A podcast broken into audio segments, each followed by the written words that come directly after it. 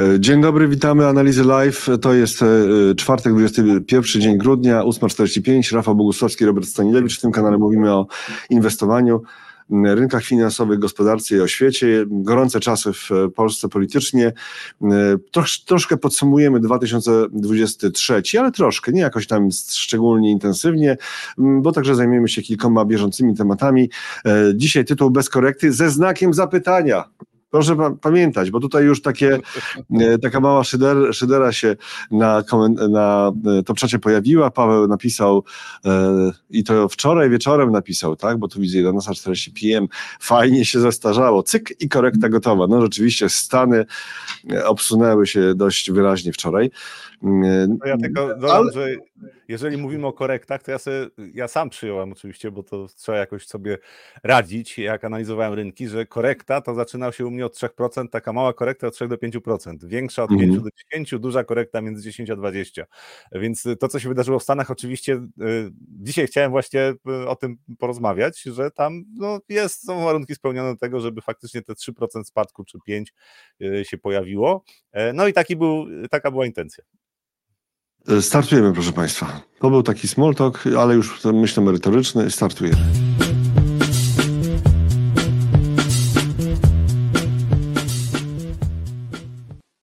To jest kanał o inwestowaniu, o rynkach finansowych, o gospodarce i o świecie, czyli taki multidyscyplinarny, ale związany z tym, co dzieje się e, finansami globalnie, ale także w portfelach indywidualnych inwestorów. E, czasami odpływamy w dość może wyrafinowane rejony, aczkolwiek e, nasi, część naszych widzów na pewno bywa w jeszcze bardziej wyrafinowanych rejonach, ale mówię o tym dlatego, żeby tym, którzy czują się początkującymi, przypomnieć, że tutaj można zadać każde pytanie, nawet najbardziej fundamentalne, nawet najbardziej naj, proste pytanie związane z inwestowaniem. Zachęcamy do tego na czacie, ale także zachęcamy do tego w komentarzach pod filmami na YouTubie, bo każdy ten live zamienia się potem oczywiście w film. Większość ogląda już filmy, a więc e, macham do tych, którzy są już nie na żywo, żeby też zostawili ślad po swoim oglądaniu, wpisali cokolwiek, a najchętniej jakieś pytanie merytoryczne albo komentarz, ale też za cokolwiek też będziemy wdzięczni. Oczywiście wiadomo, dla zasięgów. Zachęcam do tego, e, żebyście robili sobie subskrypcję kanału analizy live, włączali powiadomienia, żeby was nic nie ominęło. To jest ostatni live e, w 2023 roku, a to nie znaczy, że to są ostatnie treści, jakie pojawią się tutaj na tym kanale w 2023 roku. Mm, ostatni live w tym składzie mm, na żywo pojawimy się znowu już w 2024 roku, ale po drodze będzie kilka materiałów mm, dotyczących prognoz. Z prognozami na 2024 część już jest zarejestrowana. To będą nie live, tylko nagrania, które będą się pojawiały w najbliższych dniach. Od e, pierwszego dnia po świętach e, kilka takich materiałów z prognozami. Mam nadzieję, że e, ciekawych się pojawi. Oczywiście zastrzeżenia, że nikt nie zna przyszłości, ale ludzie, którzy zajmują się inwestowaniem zawodowo, muszą z czymś iść do pracy albo y, jak już przyjdą do pracy, to muszą sobie coś wymyślić. A teraz, y, Rafale, mój drogi, kilka słów o tym 2023. Co było zaskakujące Twoim zdaniem najbardziej? Co Waszym zdaniem było największym zaskoczeniem? Niedawno mieliśmy taki odcinek, w którym się pastwiliśmy nad dawnymi prognozami z końca 2022 na temat 2023. To teraz tak podsumujmy, co ten rok przyniósł, co było ewidentnie zaskakujące. Był to rok rewelacyjny na warszawskiej giełdzie. E, to, te, te, te grube dwucyfrowe ponad 30 czy 40, jeżeli patrzeć na niektóre indeksy w ujęciu total return mm, wzrosty, to naprawdę mocno. Wiele funduszy inwestycyjnych e, też ma takiego w okolicach 40% stopy e, zwrotu. Oczywiście ETF-y na indeksy tak, tak zachowały się tak jak indeksy, bo taka jest ich rola, czyli giełdowo doskonały rok. Na długu, czyli na funduszach dłużnych też bardzo dobry rok. Następny na pewno taki nie będzie, ale w dalszym ciągu fundusze dłużne będą miały e, jednak stopę zwrotu, zwrotu raczej dodatnią, prawda? Nic innego się nie wydarzy. Tyle ode mnie, tyle ze mnie teraz i czekam na Twoje podsumowanie niezbyt długie 2023 roku. E, chyba największym zaskoczeniem jest to, że zarówno rynki akcji, jak i rynki obligacji dały w no praktycznie patrząc na polski rynek, to dwu, dwucyfrowe stopy zwrotu. E, fundusze e, obligacyjne też dały zarobić ponad 10% w większości, e, znaczy średnie tak stopy zwrotu. Natomiast skala wzrostów, no w przypadku zwłaszcza rynku amerykańskiego, Nasdaq 100 ponad 50% wzrostu od początku roku, to jest coś, co myślę, że było jednak zaskoczeniem, zwłaszcza patrząc na prognozy, które były na początku tego roku, które mówiły o tym, że przecież w 2022 roku, jak Nasdaq spadał, to argument był taki, no przecież stopy procentowe idą w górę, to dla tych spółek technologicznych to jest duży problem. No okazało się, że to jest bardzo duży problem, bo Nasdaq jest właśnie w pobliżu historycznych szczytów i według mnie nie zakończył jeszcze wzrostów, chociaż Widać wczoraj, że zaczęło się robić nerwowo, a tym za chwilę. E, to było jedno zaskoczenie. Drugie zaskoczenie było takie, że e, e, RPP zakończyła podwyżki stóp we wrześniu ubiegłego roku i, później nie wykonała żadnego ruchu aż do września tego roku. To patrząc na to, kiedy, kiedy zaczęły się pojawiać informacje o tym, że duże banki centralne chcą obniżać stopy, znaczy chcą zakończyć podwyżki stóp najpierw, e, no to e, nasz, nasza Rada Polityki Pieniężnej była przynajmniej o te 9 miesięcy szybsza, jeżeli chodzi o zakończenie cyklu e, podwyżek. To było też według mnie dość duże zaskoczenie. Też sporo się działo w tym roku, czyli Credit Suisse, który bankrutował, wtedy pojawiały się pytania, czy to jest powtórka z Lehman Brothers, więc nerwowość, która pojawiła się w, w marcu, była świetnym momentem, żeby zaangażować się w bardziej ryzykowne aktywa. E, z kolei w lipcu e, był optymizm bardzo podobny do tego, który jest obecnie, e, czyli też były zmiany prognoz przez duże instytucje finansowe, bo pod koniec lipca były korekty prognoz w górę dla SP500, jeżeli chodzi o rynki akcji, tak, w Stanach Zjednoczonych. No i to był lokalny szczyt. Więc teraz pytanie, czy powtórzymy ten scenariusz, no ale to, to jest pytanie, które trudno jednoznacznie odpowiedzieć, stąd też tytuł dzisiejszy mm, bez korekty ze znakiem zapytania. E, zaskakujące wydaje mi się to, że mm, banki centralne, dla mnie było zaskakujące to, że banki centralne, duże banki centralne E, na, tą jastrzębią retorykę utrzymywały bardzo długo. To znaczy, patrząc, kiedy e, pojawiły się szczyty inflacji, e, w, w, na przykład w Stanach Zjednoczonych, tak, kiedy pojawił się szczyt inflacji, jak długo Fed utrzymywał jastrzębią politykę, no to jest coś, co jest zaskakujące. To znaczy, Widać, że e, pamiętają e, Volkera, czyli tego szefa, szefa rezerwy federalnej, który zdusił inflację w końcu na początku lat 80. i też błędy, które były wcześniej popełniane, czyli za szybkie obniżki stóp procentowych, e, które pozwalały odbić inflacji. No i w związku z tym utrzymanie bardzo długo jastrzębiej retoryki, co rzutowało też tym, że do października e, obligacje amerykańskie długoterminowe e, nie dawały zarobić. Znaczy to, to ostatnie półtora miesiąca to jest dopiero, dopiero są zyski. To największe zaskoczenia dotyczą chyba właśnie tej konsekwencji w jastrzębim podejściu do polityki monetarnej, też kwestie oczywiście mm, naszej gospodarki. Dla mnie zaskakujące było, może nie, jest zaskakujące to, jak szybko nasza gospodarka potrafi się y, podnieść, bo bardziej to będzie już w przyszłym roku. E, jeżeli chodzi o tempo wzrostu gospodarczego, to według mnie, znaczy dla mnie jest to zaskakujące, że e, w, w tej chwili wygląda na to, że nasza gospodarka naprawdę jest w stanie dość szybko wyjść z, takiego, z takiej fazy spowolnienia do fazy y, wzrostu gospodarczego, takiego na poziomie no, zdecydowanie powyżej 2,5% według mnie. E, więc żywotność naszej gospodarki to też jest coś, co, e, co jest zaskakujące. I to chyba naj, największe, największe e, zaskoczenia tegoroczne i, i stopy zwrotu na rynkach akcji, które są pozytywne. Negatywne zaskoczenie to oczywiście były Chiny.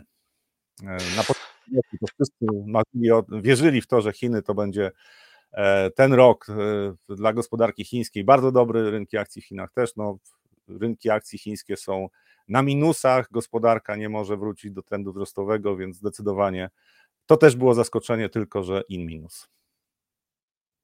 I tak, i z tymi Chinami od już dawna pytanie, czy to będzie przez tych deweloperów taki rynek mieszkaniowy, czy to będzie Lehman Brothers, to znaczy ono trochę przygasło, ale to pojawia się znowu, bo to nieruchomości to kryzys, y, tak, to, to się kojarzy tym, którzy mają trochę więcej może lat i pamiętają to, co działo się 15 e, lat temu, albo to znają po prostu z różnych przekazów. E, tylko e, taka historia jest, że tam zadłużeni są deweloperzy, ale nabywcy mieszkań nie są zadłużeni, bo oni kupują te mieszkania za gotówkę. Tam nie ma kredytów do y, opakowania, tak? Oczywiście to zadłużenie deweloperów jest jakimś problemem, ale tam nie ma kredytów do opakowania. I co jeszcze ciekawe, to y, oni traktują mieszkania jako, jak złoto, to znaczy oni y, to mieszkania traktują jak lokatę kapitału, a wynajmowanie takiego mieszkania nie jest normalnym zjawiskiem, bo jak wynajmujesz takie mieszkanie, to cię pytają, czy masz kłopoty finansowe, tak? E, znajomi w pracy na przykład. To cytaty z pewnego podcastu Bloomberga, gdzie fantastycznie człowiek opowiadał z, z jakiejś dużej instytucji finansowej właśnie o tym rynku chińskim, na którym był fizycznie sam, miał dwa mieszkania i jak postanowił wynająć to tak po zachodniemu, tak, to w, w pracy pytano go, hej Joe, masz problemy finansowe, jakoś ci pomóc? No, jakie problemy? No bo wynajmujesz mieszkanie. To tak a propos Chinach, e, Chin i tego, jak my patrzymy przez własny pryzmat, e, często nie wiedząc, zapominając o tym, że tam, jeżeli chodzi o to kupowanie mieszkań, to finansowanie wygląda inaczej niż wyglądało e, przed upadkiem Lehman Brothers, wtedy kiedy ten kryzys, podstawy tamtego wielkiego kryzysu się budowały, czyli wtedy było kredytowanie e, e, przez oso, osób, które nie miały ani dochodów, ani pracy, ani aktywów, tak, czyli ninja, kredyty i no, no, jak to było? No, job, no income, no jobs, no assets, tak. Okej, okay, dobrze, to tyle, na, to tyle na, na temat 2000... No tak, ale chciałem hmm? zapytać, skąd ty tak dobrze znasz rynek chiński nieruchomości? To ja powiedziałem, to ja powiedziałem. Posłucha, to, to był, tak, słuchałem pewnego podcastu Bloomberga, który namiętnie słucham i tam po prostu tam człowiek z instytucji finansowej, który pracował tam na miejscu i nawet sobie tam mieszkania kupował, opowiadał dokładnie, jak ten rynek wygląda, tak, z pierwszej ręki. E, to jeszcze na koniec tego e, krótkiego podsumowania 2023 roku. Jeszcze WIG WIG WIG is King może nie światowo, bo ten Nasdaq 100 poszedł bardzo mocno. Jeden rok, proszę bardzo, tutaj widać ten WIG, to jest e, za, e, od początku roku, czyli już prawie, prawie rok, równo, ale jednak jeszcze to parę nie zostało, plus 36% e, i 71 setnych. Tak, taki wynik. Można by spodziewać się, żeby w przyszłym roku podobny wynik był, chociaż no. się tak dobrze to chyba nie będzie. No to zakładam, że będzie większa zmienność. Natomiast no ewidentnie e, nasz rynek zyskał, na, pomijając to oczywiście, że na świecie jest dobra koniunktura, to nasz rynek zyskał w e, październiku w związku ze zmianą polityczną w Polsce. E, czy ta zmiana polityczna, czy faktycznie czy nie nastąpi jakaś weryfikacja e, w pewnym momencie, że działania nowego rządu będą jednak nie tak progospodarcze, jak w tej chwili zakłada, to jest pytanie otwarte, natomiast e, patrząc jakie były wyceny wcześniej i jakie są obecnie, to według mnie to jest zmiana trwała, to znaczy to dyskonto, które było dla polskiego rynku akcyjnego jeszcze pół roku temu, no w tej chwili wygląda na to, że e, zniknęło i, raczej nie powróci dyskonto dla polskiego rynku tak duże, jak było wcześniej. To teraz czas na kilka e, haseł od Was. E, tak porcjami będę wkraczał, żeby jednak mniej szatkować ten flow od Rafała. E, czyli tak, Paweł pisał, fajnie się zestarzało, jeżeli chodzi o tytuł, ale znak zapytania jest w tym tytule. Wiem, że to jest taki zabieg może niskich lotu, że stawiasz tezę i dajesz znak zapytania jako bezpiecznik, żeby ktoś cię nie posądził, że, że stawiasz tezę. To, tak, Mirosław, dzień dobry, dzień dobry, witamy serdecznie. A tutaj Aha, że kolejny dzień świątecznego nastroju w studiu. Witam serdecznie, Michał. A tutaj Paweł o tej e, z kolei do Pawła. Jaka korekta? Przecież to normalne falowanie, samo życie. No właśnie, tak? To znaczy, jak mogę skomentować tą korektę, bo to w Stanach Zjednoczonych od trzech dni co najmniej y, y, wahnięcie rynku się szykowało. Ja obserwuję często VIX, to jest ten indeks zmienności, ale implikowanej, czyli przewidywanej zmienności i on od trzech dni, pomimo tego, że rynek szedł w górę, już nie spadał. To, to są sygnały, które pokazują, że za chwilę może się zrobić nerwowo. Jest jeszcze jedna zależność. Jak go znaleźć? Jak go sobie, powiedz tylko jeszcze, jak go łatwo znaleźć. Na inwestychingu, jak piszesz WIX, to... A to WIX to wiem, ale implikowany, ale implikowany. To jest ten implikowany od razu, tak? Tak, tak, bo to jest ten podawany, mhm. to jest e, Chicago Mercantile Exchange e, mhm. ma kontrakty na to i tam w związku z tym, że są mhm to jest z, okay, okay. opcji wyliczane, tak? Mhm. E, czyli e, to, czego się, jakiej zmienności się spodziewają. I teraz e, mhm. druga rzecz, która się, druga rzecz, mhm. która się pojawia w Stanach Zjednoczonych i to odkryłem kilka lat temu, że e, przed świętami, to mniej więcej trzy dni przed świętami, wchodzimy w taki okres przy mm, trendach e, trwających na, na tym rynku, czy spadkowym, czy wzrostowym, to nie ma znaczenia, ale trzy dni mniej więcej przed świętami wchodzimy w taki okres, gdzie bardzo często następują krótkoterminowe zwroty akcji. I, I właśnie weszliśmy w ten okres, dlatego w Stanach Zjednoczonych to, co się w tej chwili dzieje, to specjalnie zaskakuje. Dużo ciekawsze będzie to, co się będzie działo między świętami i po świętach, również dzisiaj, tak? Czy ten, ten ruch będzie kontynuowany, bo te 1,5%, tam 1,4 spadku, to naprawdę to jeszcze nie jest korekta, to jest właśnie falowanie rynku. Natomiast przesłanek do tego, żeby to się rozbudowało trochę bardziej, jest sporo, zwłaszcza na rynku amerykańskim i podobnie też wątpliwości na rynku polskim, bo wczorajsza sesja mm, byliśmy na plusach, skończyliśmy na minusach e, i to też pokazuje, że tam krótkoterminowo pogłębienie e, tego ruchu spadkowego może nastąpić, tak? czyli wczorajsze spadki dzisiaj mogą być e, pogłębione. Natomiast bardzo ważne pytanie jest takie, czy z tego się urodzi coś więcej, czy faktycznie wejdziemy chociaż taką korektę, powiedzmy tą 5%. I na to pytanie według mnie nie ma jednoznacznej odpowiedzi i nikt nie zna tej odpowiedzi. Dlaczego? Bo mamy do czynienia z bardzo silnym trendem wzrostowym cały czas i na rynku amerykańskim, i na rynku polskim. To, że e, Nasdaq, SP 500, Nasdaq 100, tak, w zasadzie pokonał już szczyty wszechczasów. SP500 zbliżył się do szczytów wszechczasów. To są takie też e, techniczne aspekty, które powodują, że e, inwestorzy są skłonni zacząć realizować zyski, e, no bo zastanawiają się, może to będzie podwójny szczyt, no, no może warto coś takiego z, zrobić. Polski rynek akcyjny, patrząc na WIG, jest na szczytach wszechczasów i nawet jeżeli pójdzie dynamiczna korekta, pytanie, czy pójdzie, tak, no to zakładam, że jeszcze to nie jest koniec wzrostów. Natomiast y, warunki są sprzyjające, tylko dlaczego o tym mówię? Bo dla długoterminowego inwestora uciekanie z rynku tylko dlatego, że y, wygląda na to, że może pójść korekta, nie jest specjalnym e, specjalnie dobrym pomysłem. Mhm. To, znaczy, to prawdopodobieństwo tego, że trafię, nawet jeżeli wynosi powiedzmy 55%, to dla spekulanta jest ok, bo on może wrócić na rynek szybko, natomiast pytanie e, dla inwestora, co zrobi, jak okaże się, że ta korekta, która się zapowiadała, nie będzie korektą, czyli spadki będą na przykład 2% e, na indeksach i na tym skończymy. To, taki scenariusz też jest możliwy. E, pytałem Rafała, jak to znaleźć, to znaczy znam WIX, tak, tylko tutaj tym implikowanym trochę się zaburzyłem, ale tak, bo Paweł, ale dziękujemy bardzo Pawłowi za aktywność, niezmienną i cieszę się z tej aktywności. Tutaj ktoś, kto się z Wixem jeszcze nie zetknął, to ma tutaj piękną definicję od Pawła, jak to jest, e, czyli Wix pokazuje, na, jak obstawione są opcje na S&P 500, a ty nie wiem, czy zauważyłeś, że pokazuje właśnie to, co się ostatnio z Wixem wydarzyło, czyli taki, rozumiem, e, ostatni moment tam, grudzień już tak i e, Ostatni, ostatni tydzień to rynek akcji w Stanach Zmienność mhm. specjalnie nie rosła. E, tam były intradayowe jakieś niewielkie wahania. Fakt, że niski poziom był, natomiast e, jak patrzyłem na to, co się dzieje z Wixem, to mówię, no pewnie za chwilę jakaś realizacja zysków się pojawi. Aha, ale on, to będzie kontynuowane.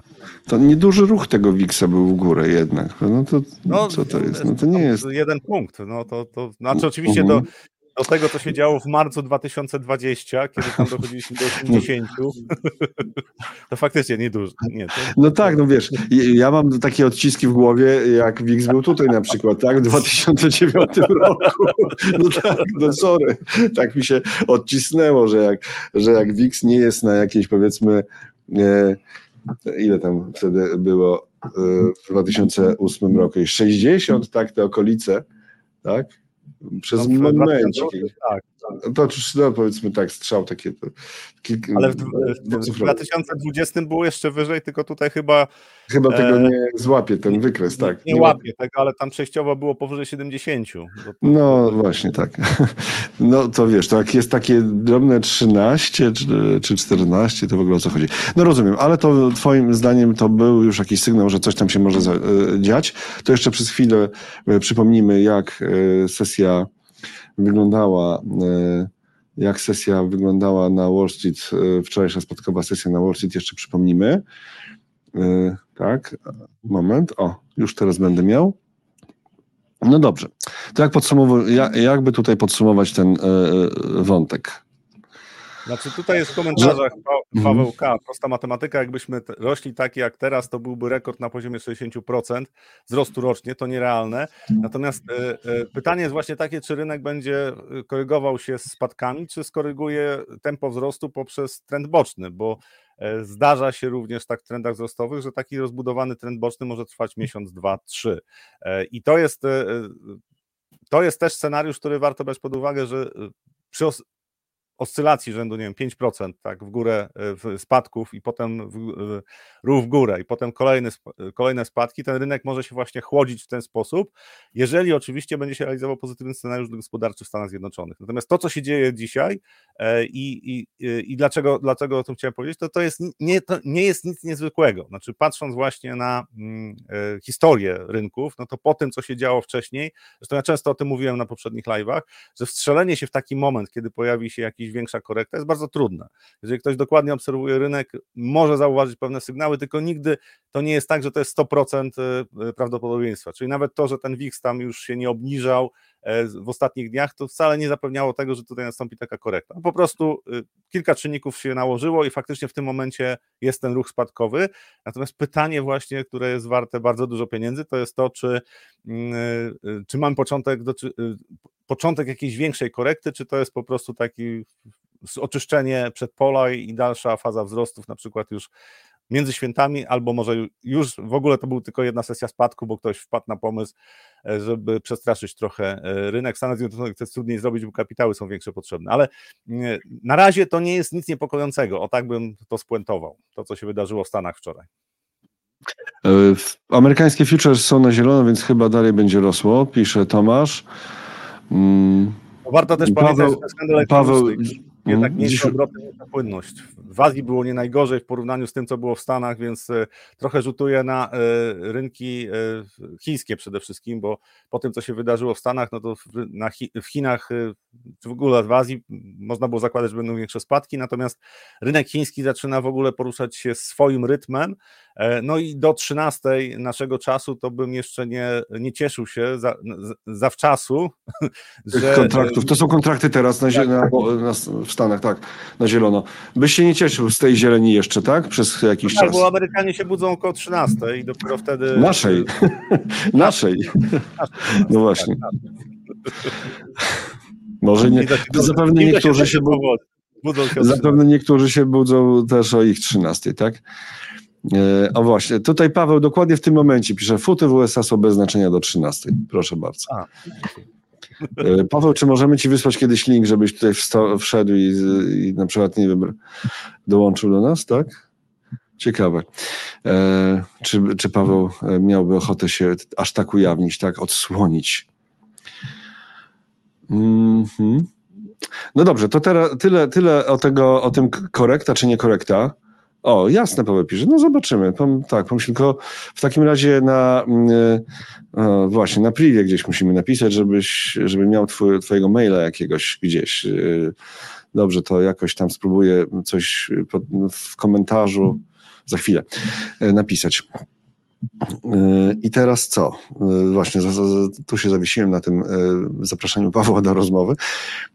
Może parę to teraz, no, słuchaj, tak, posłuchaj, nie, tak. polską gospodarkę sobie jeszcze zostawmy, bo tutaj skoro o. jesteśmy już tak globalnie, bo, e, bo to tak globalnie wszystko idzie, oczywiście z polskim wątkiem giełdowym, e, to teraz idźmy globalnie e, i zajmijmy się na chwilę ropą, bo ona jest ważna, bardzo ważna, już nie chcę tak zupełnie populistycznie mówicie o tankowaniu e, na stacjach benzynowych, paliwowych, tak, bo to zawsze w mediach e, takich dużych to jako jest coś, że o, ropa to główny temat, czy będzie taniej w tankowaniu, czy drożej, prawda? No do, do świąt to chyba się już jakoś tam strasznie niewiele zmieni, ale tutaj mamy taką informację, że zapasy USA wzrosły szybciej.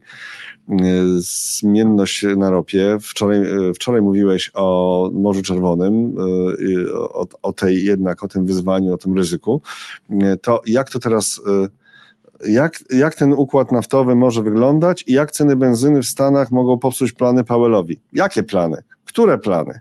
No plany takie, że już e, udało się zwalczyć inflację i w zasadzie robota zrobiona. Można I zapowiedzieć ogromne obniżki stóp procentowych, tak? Ogromne tak, jak ogromne, ale duże. Natomiast e, wczoraj no, te, te, dane akurat pojawiły się, bo to są dane, które się pojawiają regularnie na temat poziomu zapasów w Stanach Zjednoczonych i te zapasy ropy naftowej wzrosły prawie 3 miliony baryłek zamiast spaść. I w związku z tym y, była reakcja na rynku, to znaczy kontrakty na ropę y, spadły a, i to się dzieje w momencie, kiedy tak naprawdę Bliski Wschód, czyli Morze Czerwone jest tematem, który jest gorący i według mnie będzie gorący w najbliższych dniach. Natomiast to też pokazuje na to, to, że jednak oczekiwania, zresztą sporo komentarzy na Bloombergu jest, oczekiwania spekulantów są takie, że w przyszłym roku popyt na ropę będzie mały znaczy za mały w stosunku do podaży. I tutaj e, to jest ciekawe ze względu na to właśnie jak e, w tej chwili są pozycjonowani na przykład na rynkach akcji e, inwestorzy, czy też jakie są oczekiwania dotyczące gospodarki w Stanach Zjednoczonych, czy miękkie lądowanie, a spekulanci na ropie zakładają, że będzie słabo, znaczy, że popyt na ropę będzie po prostu e, za mały. To jest, znowu, jest bardzo ciekawy moment, jeżeli patrzymy na rynek ropy, bo jesteśmy, ropa teksańska w pobliżu 75 dolarów, to są w listopadzie kilka razy ten poziom e, pozwalał zatrzymać e, spadki. Mieliśmy kapitulację do pierwszej, pierwszej dekadzie grudnia mieliśmy kapitulację, czyli 68-67 y, dolarów, to jest kolejny taki istotny poziom, wróciliśmy do tego 75 dolarów. I teraz mnie bardzo ciekawi, co się wydarzy w najbliższych dniach, bo jeżeli e, te dane z, o zapasach ropy naftowej e, które pojawiły się wczoraj, e, nie, nie wywołają falszego efektu, czyli dzisiaj y, ropa wróci do trendu wzrostowego, to według mnie e, Morze Czerwone przeważą, czy niepokoje na Morzu Czerwonym przeważą i będziemy pewnie zbliżali się w stronę 80, znaczy podążali w stronę 80 dolarów. I dlaczego to jest istotne? Bo y, też pojawiły się informacje ze Stanów Zjednoczonych, oni to monitorują non-stop, tam jednodniowy największy wzrost cen paliw na stacjach benzynowych E, nastąpi o 0,6%, to nie jest dużo. Znaczy w porównaniu z tym, jakie były wcześniej spadki, to nie jest dużo, ale jeżeli ropa będzie kontynuowała trend wzrostowy, to za chwilę właśnie się może okazać, że e, ten czynnik, który pomagał e, w dezinflacji gospodarce amerykańskiej, przestanie działać. To znaczy ceny ropy wzrosną, wzrosną ceny paliw i za chwilę się okaże, że Powell ma problem, bo nie dość, że spadły rentowności obligacji, czyli tak naprawdę E, restrykcyjność polityki monetarnej się zmniejszyła, bo teraz koszt finansowania jest mniejszy, wzrosły indeksy giełdowe, czyli wealth effect jest silniejszy, to za chwilę jakby wzrosły jeszcze trochę ceny paliw, to wracamy z inflacją E, pewnie powyżej 4%. Tak? Znaczy przy tych, przy tych parametrach, które są w gospodarce amerykańskiej, to nie jest niemożliwe. Jeżeli ropa wzrośnie na przykład do tam 85 dolarów, to dość szybko będziemy mieli pewnie takie przełożenie. I to, jest, to są wyzwania, które, e, które warto obserwować, znaczy warto obserwować, co będzie się działo w Stanach Zjednoczonych, warto obserwować się, co się dzieje na e, Morzu Czerwonym, bo jeżeli tam będzie ten to zagrożenie będzie, będzie cały czas się utrzymywało, to według mnie w styczniu będziemy mieli wyższe ceny ropy. To znaczy, rynek w tej chwili y, zareagował na to, co się dzieje na Morzu Czerwonym w miarę spokojnie. Oczywiście ceny ropy naftowej wzrosły, natomiast jeżeli to będzie y, rynek zacznie akceptować, że to będzie na przykład e, kanał Suezki nie będzie funkcjonował, znaczy będzie funkcjonował w znacznie ograniczonym zakresie, e, zacznie dyskontować, że to będzie trwało na przykład 3 miesiące, e, no to szanse na to, że ceny ropy pójdą w okolicy 80 czy 85 dolarów nawet są zdecydowanie większe. Ciekawe poziomy, jeżeli patrzymy na ceny ropy, mhm. zmienne opinie, znaczy zróżnicowane opinie, niezmienne, zróżnicowane opinie są mhm. argumenty za tym, że ropa może rosnąć, są, że może spadać. A czy to nie jest tak, że tam po prostu, nie wiem, Amerykanie czy w jakiejś koalicji wyślą w pewnym momencie swoją którąś flotę i e, po prostu załatwią temat i no, będzie w, w świecie, w którym żyjemy, to, to okazuje się, że, że e, wysłanie floty tylko na Morze Czerwone to, to nie załatwi problemu, ponieważ drony potrafią się przedrzeć, zwłaszcza znaczy nie, nie można nie, mało możliwe jest, żeby skonstruować nie wiem, konwoje i, i mhm. otoczyć je e, z e, niszczycielami czy korwetami, tak żeby żaden e, statek handlowy nie mógł zostać zaatakowany. Natomiast większym wyzwaniem jest według mnie z punktu widzenia rynków finansowych to, że Stany Zjednoczone mogłyby bezpośrednio zaatakować Jemen czyli tam na przykład atak, atak rakietowy, bo wtedy odpowiedź Iranu może spowodować, że za chwilę dzień później budzimy się w innej rzeczywistości. Znaczy, taki scenariusz na razie wydaje się niezbyt prawdopodobny, natomiast coś takiego, taka groźba jest, więc to, że tam pojawiają się kolejne okręty e, Stanów Zjednoczonych, to wcale nie jest coś, co według mnie uspokoi sytuację a rynki na razie tak patrząc na to, co się dzieje właśnie z ropą, co się dzieje ze złotem, to tak uważają, a jak zwykle rozejdzie się po kościach. Być może, być może, natomiast ryzyko według mnie jest troszkę większe niż, niż wynikałoby to z zachowania i cen ropy i cen złota. Komentarz od Was, e, Daniel, do generalnie tematu bez korekty, znak zapytania. E, szczyty, dołki, po co, po co to szukać? Inwestor long term jest na rynku i robi regularne zakupy, ma wyśmienity humor, gdy Bessa, gdy Hossa też ma powody do zadowolenia. Brawo, brawo, tak, popieramy, popieramy. A brawa to mamy tutaj takie też jeszcze dla, za ten komentarz. E, tak. Oczywiście, że tak, ale my lubimy sobie porozmawiać o gospodarce i rynkach finansowych e, i mam nadzieję, że ci, którzy się pojawiają, też lubią po prostu wziąć udział w takiej rozmowie za pośrednictwem komentarzy. E, to teraz przechodzimy do trochę smutniejszego tematu. Smutniejszego to może zbyt emocjonalne określenie, ale e, niekorzystnych danych z polskiej gospodarki jednak, tak, która przecież tak fantastycznie się zachowuje. E, wprawdzie rok ciężki i tam szorowanie gdzieś blisko dna, jeżeli chodzi o tempo wzrostu, ale perspektywy na kolejny rok już znacznie, znacznie lepsze. A tymczasem mamy właśnie tutaj e, takie informacje, że przemysł słabiej, a płace hamują. E, to wczoraj pojawiły się dane, ja czekałem na te dane, bo znaczy, jednorazowe dane to oczywiście to nie jest jeszcze kwestia zmiany y, trendu y, e, w gospodarce, natomiast mnie bardzo ciekawiło to, co, czy polskie firmy trochę odczują to, co się dzieje w Niemczech. I dane z przemysłu pokazują, że tak. Znaczy, tu, tam był spadek, spodziewany był wzrost, spadek e, niewielki, natomiast był. I, i, i, to jest, I to jest coś, co pokazuje, że jednak e, gorsza koniunktura w Niemczech sprawia, że mm, polski przemysł pewnie nie będzie aż tak dobrze się zachowywał, jakby mógł, gdyby nie to, y, gdyby koniunktura w Niemczech, w ogóle w Unii Europejskiej była trochę lepsza.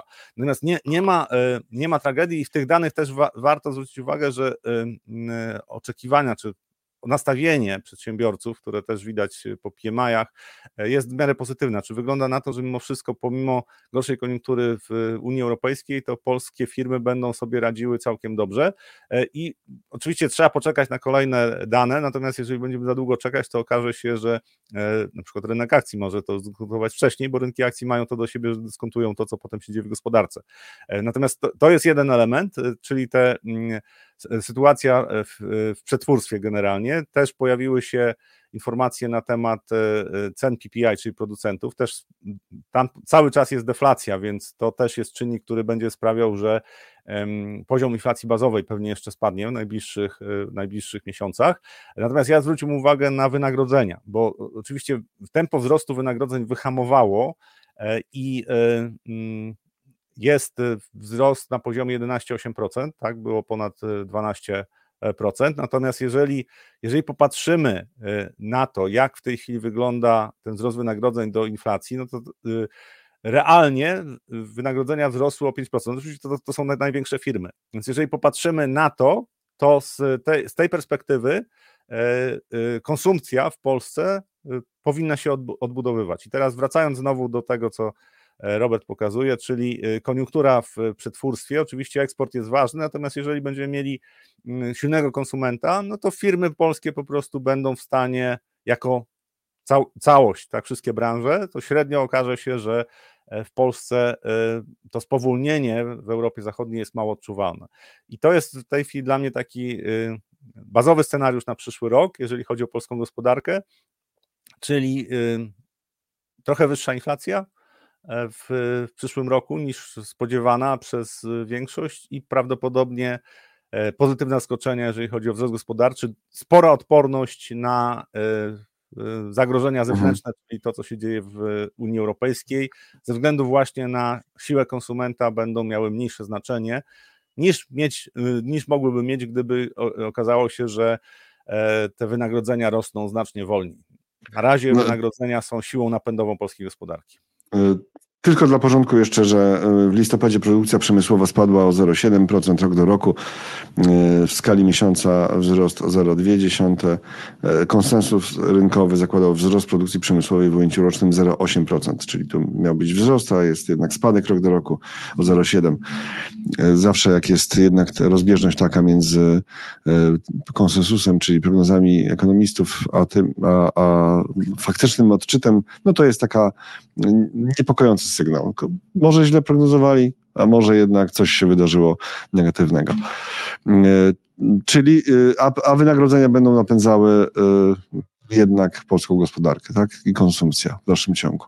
Ja myślę, że, że tak i, i też według mnie przyspieszą inwestycje w firmach, bo będą po prostu wymuszone. Czy poprzednie 8 lat, może poza ostatnimi Ostatnie dwa lata to już też nastąpiły zmiany, to znaczy część firm z konieczności inwestowała, natomiast te inwestycje były na niskim poziomie, e, w, nawet do poziomów historycznych, więc jest szansa na to, że w najbliższym czasie firmy będą inwestowały, bo muszą e, i też będą inwestowały chociażby w mm, firmy przemysłowe, w automatyzację produkcji. To też będzie pochodna tego, co się dzieje z rynkiem pracy, z wynagrodzeniami. Tutaj jakiejś wielki, wielkiej fali bezrobocia na razie nie, nie, nie spodziewałbym się. Właśnie dlatego, że polska gospodarka no, zaczyna cierpieć na deficyt e, pracowników, więc e, inwestycje w firmach będą za chwilę też e, w następnych kwartałach będą jednym z czynników, który według mnie będzie poprawiał koniunkturę w polskiej gospodarce. Czyli będą dwa, dwa czynniki, które będą mocno pozytywnie wpływały na polską gospodarkę: konsumpcja indywidualna przede wszystkim i inwestycje firm. Jak będzie inwestycjami e, rządowymi, no to jest pytanie oczywiście o to, jak będą wyglądały. Jesteśmy pomiędzy e, perspektywami budżetowymi unijnymi, więc to jest zawsze taki okres, ten 2024, to tutaj te inwestycje z pieniędzy unijnych mogą być trochę niższe, ale możemy nadrabiać dzięki KPO trochę. Jeżeli faktycznie projekty zostaną uruchomione, te pieniądze się pojawią, to to możemy mieć całkiem dobre 2-3 lata inwestycyjnie, zakładając właśnie, że tam 2025-2026 to będą już kolejne projekty finansowane z nowego budżetu unijnego.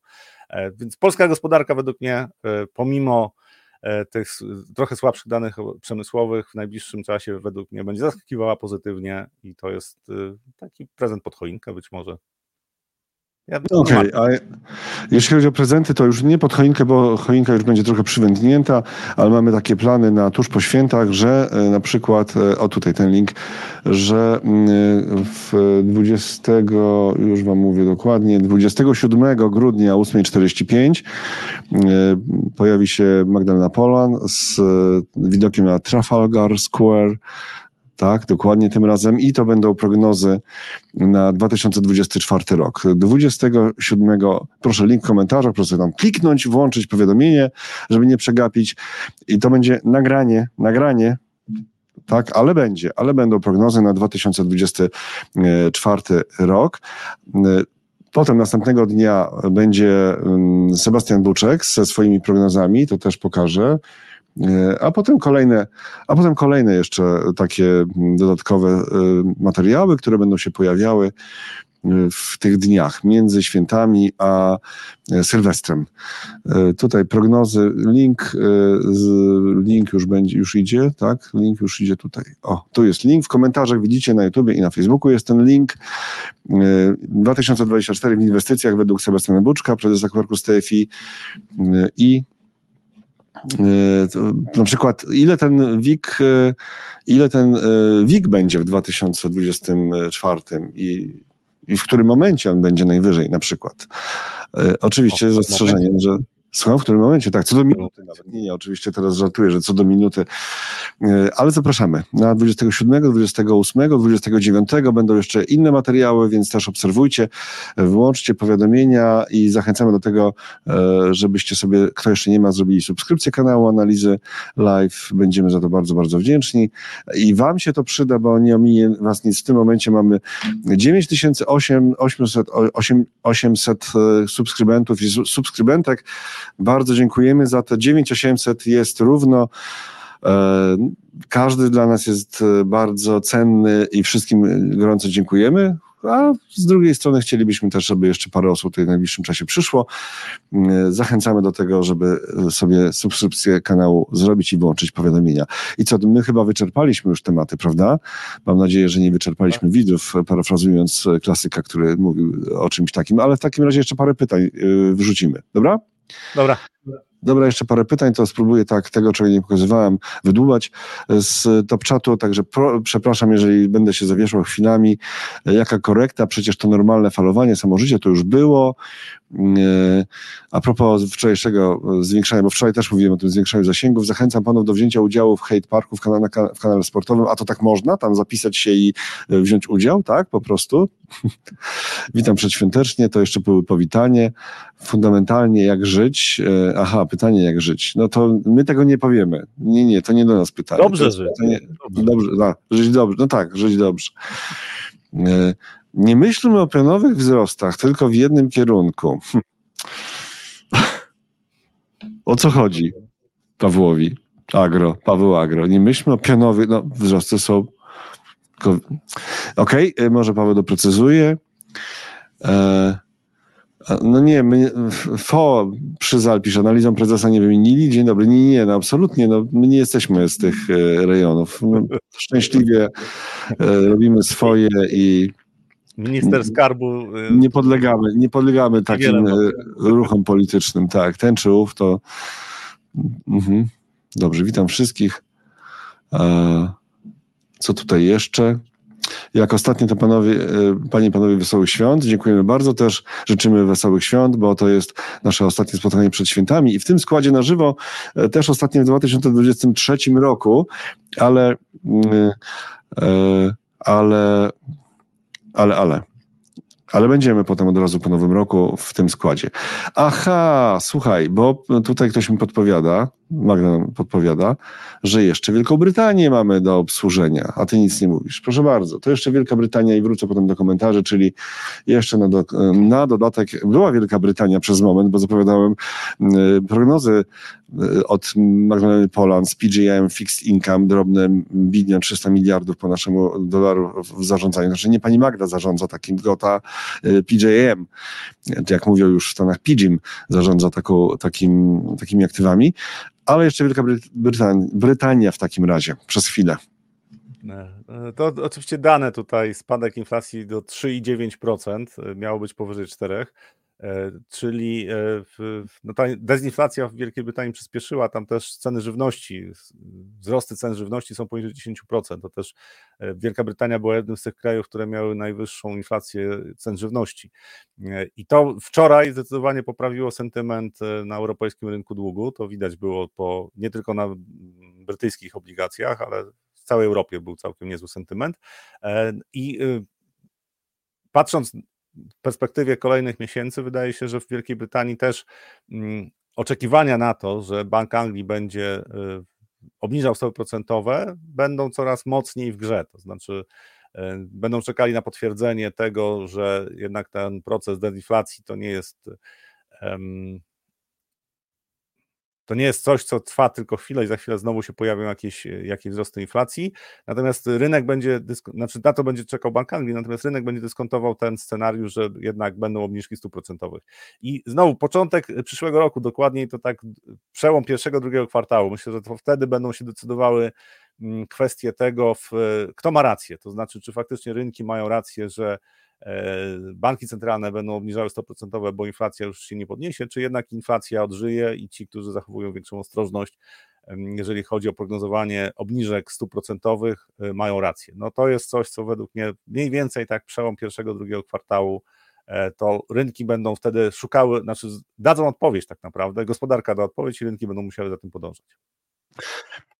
No i tyle o Wielkiej Brytanii, ale teraz wracamy do Waszych e, komentarzy, e, pytań. E, bardzo ciekawe są.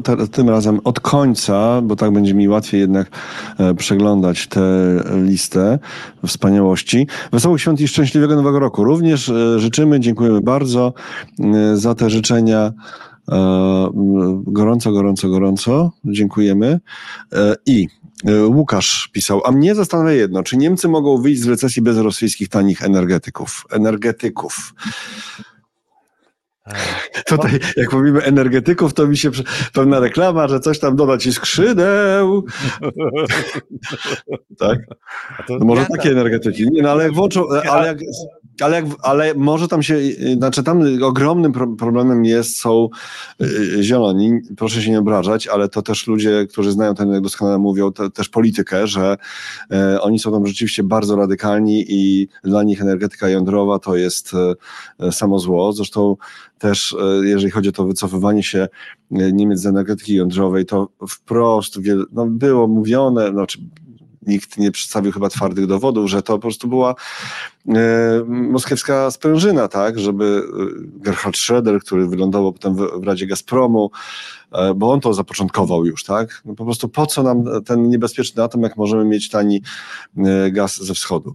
Więc może tam jednak mimo tych zielonych i mimo tego nastawienia będzie jakieś e, przełamanie w kierunku energetyki jądrowej, a na pewno e, ten energetyka tradycyjna, węglowa, to tam raczej nie ma chyba skrupułów, tak?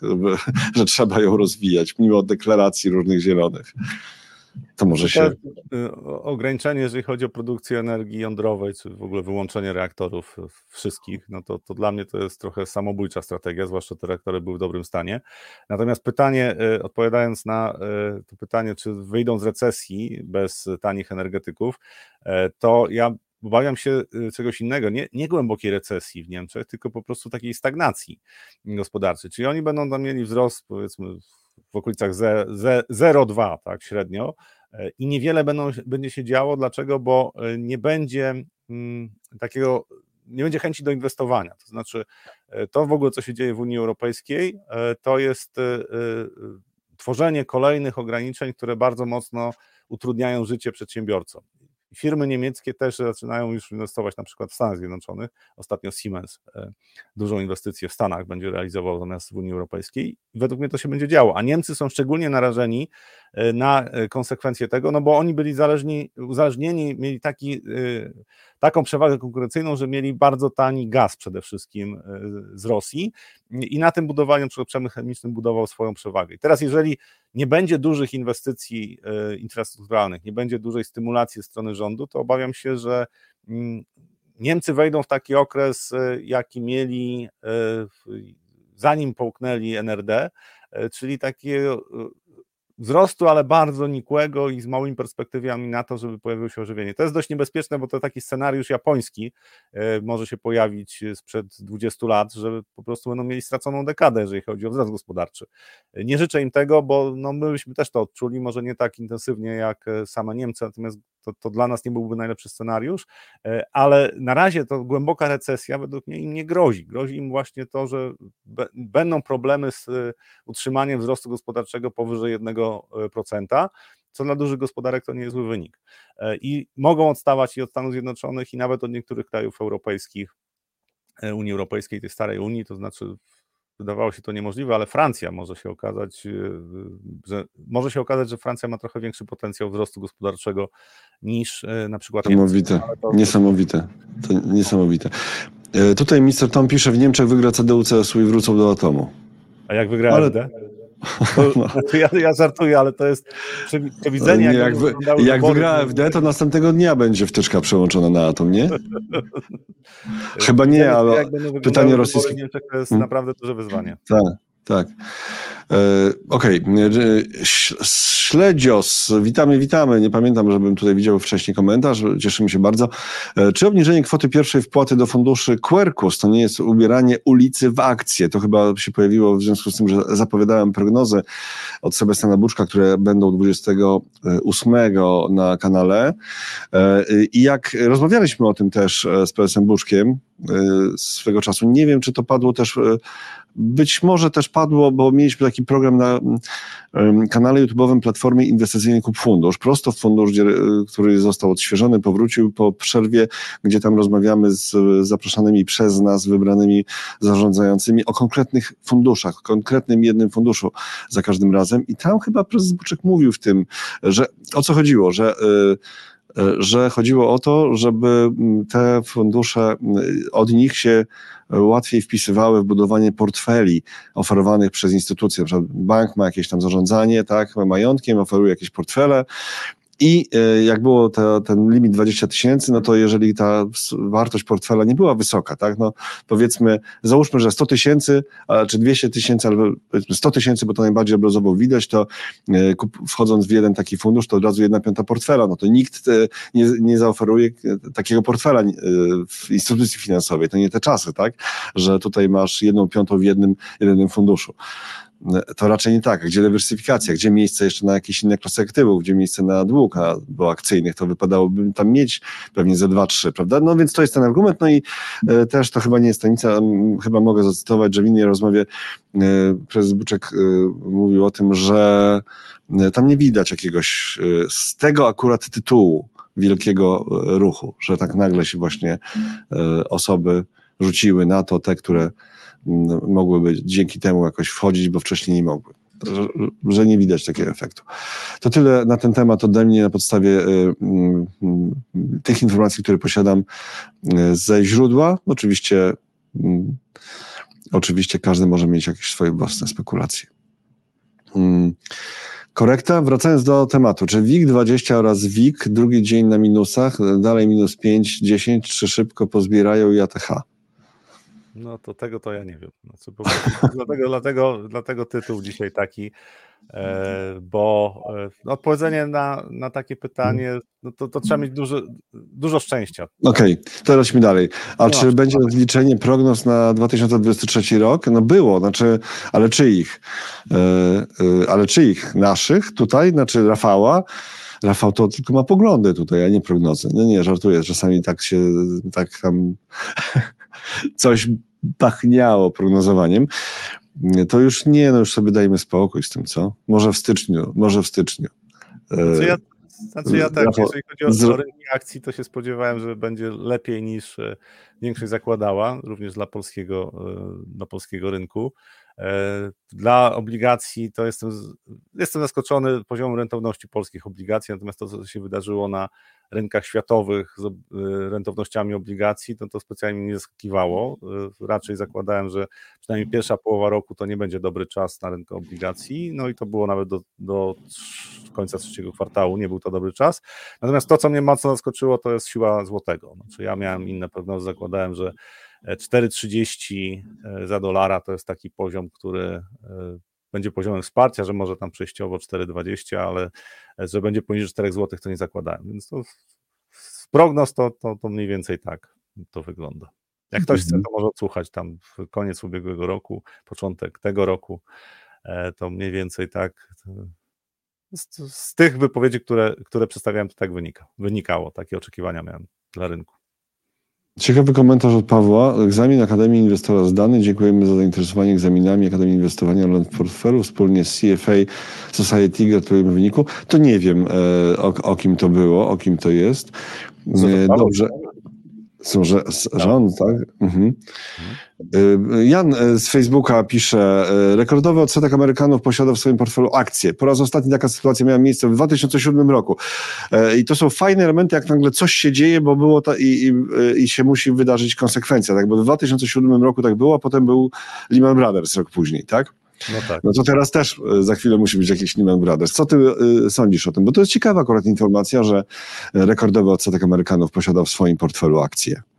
Znaczy, to jest i też poziom optymizmu na rynku amerykańskim. To jest coś, co mnie trochę niepokoi w perspektywie tych najbliższych miesięcy, bo e, rynki sobie znajdą zawsze jakiś pretekst do tego, żeby tam pojawiły się y, większe emocje, tak, że pojawiła się nawet jakaś panika.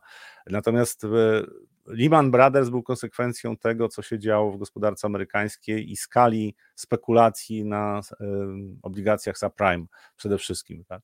W tej chwili, patrząc na to, co się w Stanach Zjednoczonych dzieje, no to takiego, takiego obszaru, czyli takiego poziomu ryzyka, jaki był związany z subprime, w tej chwili nie ma. E, oczywiście są zagrożenia związane z tym, że tam rynek nieruchomości może mieć problemy, zwłaszcza nieruchomości komercyjnych, natomiast no to już tutaj rządy wiele razy pokazywały, że jak będzie trzeba, to, to trochę pomogą. Są kwestie kredytów samochodowych, ale to też nie jest taka skala jak, jak w przypadku subprime. Więc patrząc na to, co się, co się dzieje, może dziać w gospodarce amerykańskiej, to ja nie widzę w tej chwili aż takiego zagrożenia. To nie znaczy oczywiście, że ten poziom optymizmu i to, że tak wielu Amerykanów ma akcje, nie skłania do ostrożności. To znaczy, to jest taki wskaźnik, który mówi, no może ryzyka zaczną się materializować znacznie szybciej niż nam się wydaje. I rynek amerykański przy tych wycenach, które są zwłaszcza tych największych spółek, będzie podatny według mnie na, na nerwowe reakcje, e, więc e, nie liman, ale, ale wahnięcie rzędu 20% nawet w dół, tak, w, w przyszłym roku. Według mnie no nie można takiego scenariusza wykluczyć. Według mnie to jest całkiem, całkiem realny scenariusz, chociaż prawdopodobieństwo w tej chwili to jest trudne do określenia. To jest też pytanie, z jakich poziomów to wahnięcie w dół miałoby się pojawiać, bo e, na razie no to, co się dzieje w Stanach Zjednoczonych, no to, to jeszcze trudno mówić, że się skończyła hossa. Tak? No. Nie wiem, nie wiem, ja nie mam, mhm. nie mam takiego y, mm, nie mam takiego przekonania, jak miał Nur, Nuriel Rubini od 2004 roku, że to już na pewno... Ja, ja znam kogoś, słuchaj, na polskim rynku, nie powiem z kim rozmawiałem w studiu telewizyjnym w 2005 roku. Boże, ludzie tyle żyją. W 2005 roku chyba to już było, e, a może nawet czwarty? I wtedy padały takie hasła, że Greenspan podnosi stopy procentowe i z tego będzie kryzys. No i był. No.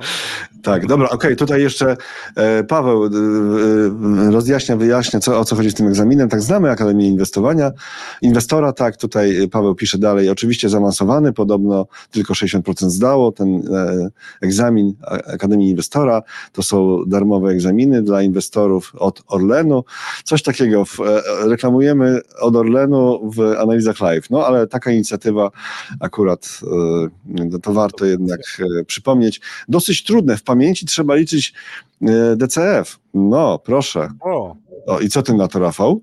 No w pamięci, no to, to, już jest challenge. To... Może przystąpisz, może przystąpisz. Musiał, musiałbym innego ja się zapiszę. Ja się jakoś, ja się zapiszę. Taki fajny projekt co roku w grudniu. E, okej. Okay. Ja tutaj y, jeszcze też odpowiem. Problem z subprime był wygenerowanie SCDO o 10 razy tyle co samych hipotek. To położyło rynki w 2008 roku. Tak, i opakowanie ryzyka w rating AA. AA. Właśnie sobie główny bohater z Big Short wyleciał niedawno z funduszu za krótkie pozycje. E, mhm. A ja sobie odwinąłem ostatnio Big Short, taki film na temat. Strasznie on jest taki bardzo jednostronny, bardzo jednostronny, ale trudno jednak inaczej w, w, podchodzić pewnie do tych rzeczy, jak się patrzyło na to wtedy, co się działo, tak, i Alan Greenspan tam został zmieszany z błotem po prostu w tym filmie jednak. No, i tam paru innych też e, panów. E, to chyba już tyle na dzisiaj, tak? Chyba już tyle. Tak, Dobrze, pamiętajcie, że między świętami a Nowym Rokiem będzie się działo na kanale Analiz Live, choć nie będą to live'y, y, ale będą prognozy na 2024 rok od kilku osób, więc obserwujcie powiadomienia.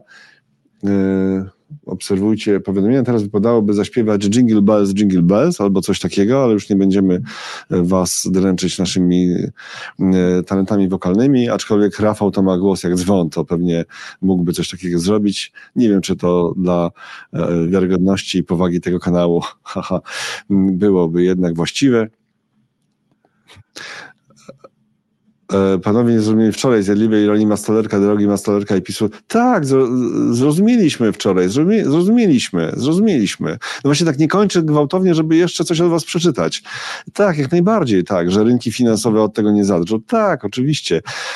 E, e, ta, znaczy, czy, czy, tak, czy rynki akurat Mastolerka, pana Mastolerka, czy kancelarii prezydenta i PiSu się tak rozeszły, to ja to ja nie, nie jestem przekonany do końca, ale raczej się rozeszły e, drogi z pewnymi osobami, tak? E, z PiSu. To raczej widać ewidentnie, że tam jest gra e, na coś.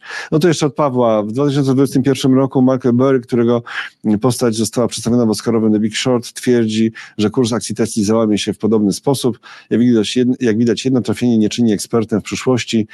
I tak, to akurat tutaj akurat za- zareklamuję Bartka Pawłowskiego, który też pojawia się na naszym kanale ostatnio trochę rzadziej, bo zarobiony e, i jego widoki zwierzy poniedziałkowe, bo tam jest taki odcinek, gdzie rzeczywiście o Michael Burrym e, mówią i mówią tak w sposób bardzo wyważony. To znaczy, że często jest tak, że on nie mówi czegoś, tylko po prostu ludzie wyciągają z jego portfeli, publikacji jego, tych składów portfeli, wyciągają wnioski i mówią, że o, Michael Burry zrobił coś, tak?